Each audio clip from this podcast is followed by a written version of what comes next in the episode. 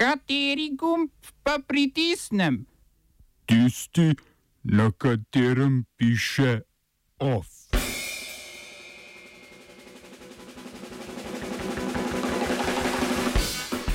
Pozdravljeni, novičarski povdarki dneva so naslednji.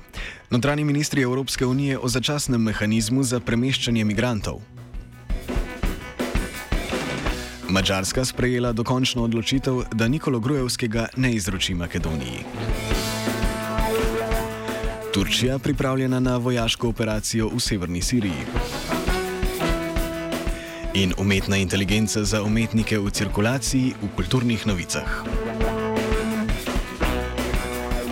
Po včerajšnjem umiku ameriških vojakov in podpornega osebja iz Tel Abjada in Ain Eisa, dveh kontrolnih točk na severu Sirije, ki je sicer pod nadzorom sirskih demokratičnih sil in kurdskih enot YPG, je Turčija danes sporočila, da je vse pripravljeno za začetek vojaške operacije za vzpostavitev varne cone.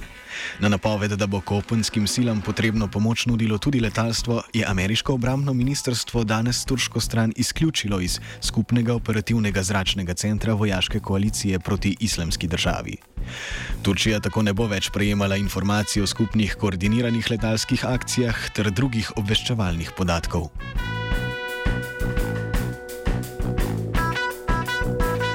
Ameriški predsednik Donald Trump se je včeraj na Twitterju odzval na napoved turške strani z grozilnim tvitom, da bo v primeru nekontroliranih turških akcij, ki bodo v nasprotju z ameriško zunanjo politiko, na tem območju uničil turško gospodarstvo. Notranji ministri EU so danes v Luksemburgu razpravljali o septembra sklenjenem dogovoru Italije, Francije, Malte in Nemčije o začasnem mehanizmu za premeščanje migrantov rešenih v sredozemlju. Tako imenovani solidarnostni mehanizem naj bi trajal šest mesecev z možnostjo podaljšanja in predvideva premeščanje prosilcev za azil, pri čemer proces premeščanja naj ne bi trajal dlje kot štiri tedne. Upravičenost za azil naj bi se preverjala šele po premestitvi prosilcev, pri skrcanju naj bi tako upravili zgolj osnovno osebno identifikacijo. Kot je na srečanju izpostavil nemški notranji minister Holz Seehofer, je začasni dogovor pomemben most do azilne reforme, ki je zaradi nesoglasij glede obveznih begunskih kvot že dolgo v slepi ulici. Višegrajska četverica namreč nasprotuje obveznim kvotam za sprejemanje imigrantov. Francoska državna sekretarka za evropske zadeve Amelie de Montchalin je izpostavila, da je začasni dogovor pomemben za vrnitev k nominalnemu delovanju šengenskega območja. Slovenija po besedah notranjega ministra Boštjana Poklukarja podpira dogovor pod pogojem, da bodo članice lahko prostovoljno odločale, kdaj in koliko prosilcev bi sprejele.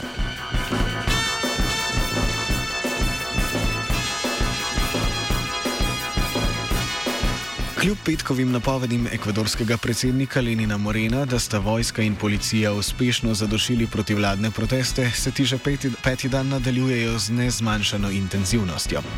Ekvadorska vojska in policija sta se včeraj spopadli z več sto protestniki, ki so v predmestju prestolnice Quito zažgali gume, postavljali barikade in blokirali ceste. Ekvadorski vladni kabinet se je zaradi nevarnosti izbruha večjih nemirov iz prestolnice premaknil v obmorsko mesto Gujaki. Povod za proteste je bila 120-odstotna podražitev goriva, ki je sledila odpravi subvencij na pogonska goriva, kar je vlada storila 3. oktober na zahtevo Mednarodnega denarnega sklada. Te subvencije sicer letno stanejo Ekvadora milijardo evrov. Vlada je v zameno od IMF-a dobila 3,8 milijarde evrov posojila. Glavni pobudnik protestov je staroseljska organizacija Konaje, ki je na jutrišnjem protestu napovedala udeležbo več kot 20 tisoč staroseljcev in drugih državljank in državljanov.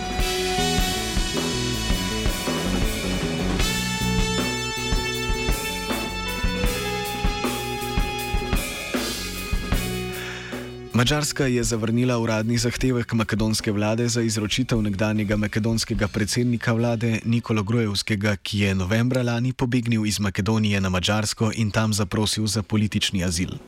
Vrhovno regionalno sodišče je v današnji odločitvi sporočilo, da za ekstradicijo niso izpolnjeni zakonski pogoji, saj dotični uživa status političnega azilanta. V Makedoniji Grojevskega čaka več aktivnih preiskav in dve leti zapora zaradi pranja denarja. Specializirano makedonsko državno tožilstvo ga je namreč spoznalo za krivega v protipravnem nakupu službenega Mercedesa iz davkoplačevalskega denarja. Medtem makedonsko tožilstvo za procesiranje organiziranega kriminala še vedno preizkuje, na kakšen način je Grojevskemu uspelo pobegniti iz države in kdo mu je pri tem pomagal.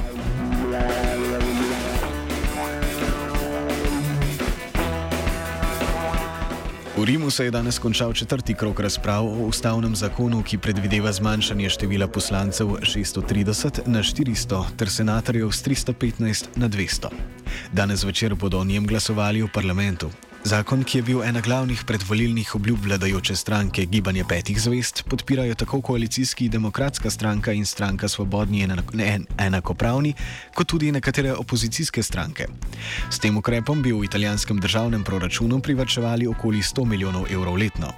Italija je sicer članica Evropske unije z drugim največjim številom poslancev, takoj za Združenim kraljestvom.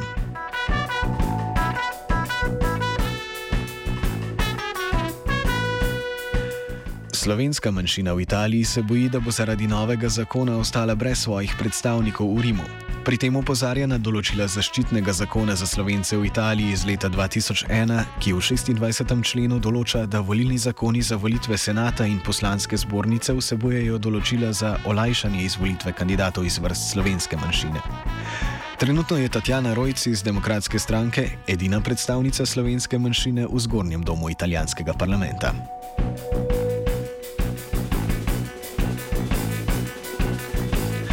Na Novi Zelandiji praznujejo 250 let od prvega vplutja flote britanskega pomorca in raziskovalca Jamesa Cooka v Poverty Bay na Severnem otoku. Dogodek, na katerem so razstavili tudi repliko Cookove ladje Endeavour, je potekal v mestu Gisborne na Severnem otoku. Visoka komisarka Združenega kraljestva na Novi Zelandiji Laura Clark se je v nedeljski komemoraciji opravičila za smrt staroseljcev, ki so izgubili življenje ob prihodu Britancev.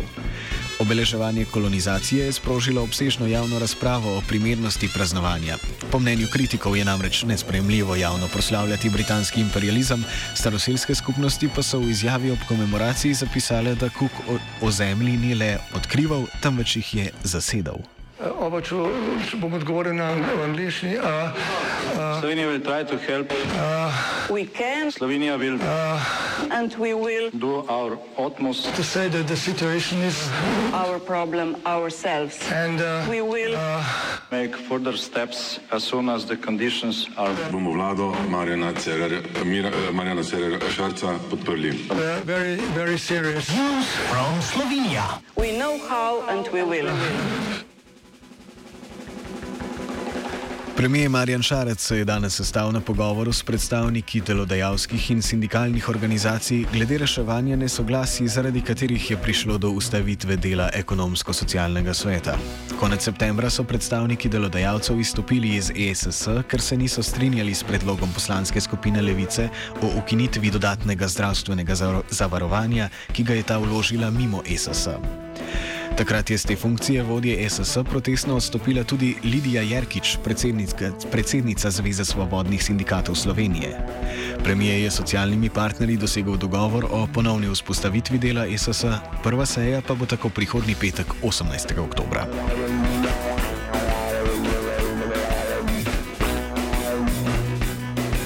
Član Evropskega računskega sodišča Samo Jereb, ki je v začetku meseca v Bruslju predstavil poročilo sodišča o koriščenju kohezijskih sredstev, je danes v časniku delo opozoril na slabo črpanje evropskih sredstev Slovenije. Ta je konec lanskega leta porabila le 24,2 odstotka sredstev, Slovenija je v letu 2018 pridobila dokončno odobritev 73 milijonov evrov sredstev iz treh kohezijskih skladov: kohezijskega sklada, sklada za razvoj regij in socialnega sklada ki so povezana z naložbami izvedenimi v obdobju od junija 2016 do junija 2017. Letošnja številka sicer po Jerebovih besedah kaže na to, da se je začela Slovenija ta sredstva zelo počasi črpati.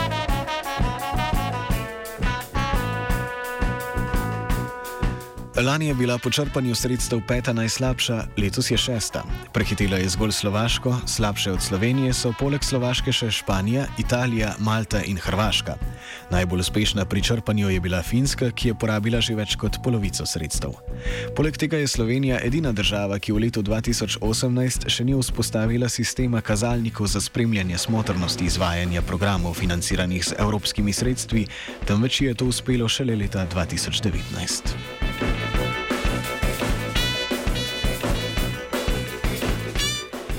OF je pripravil Miha.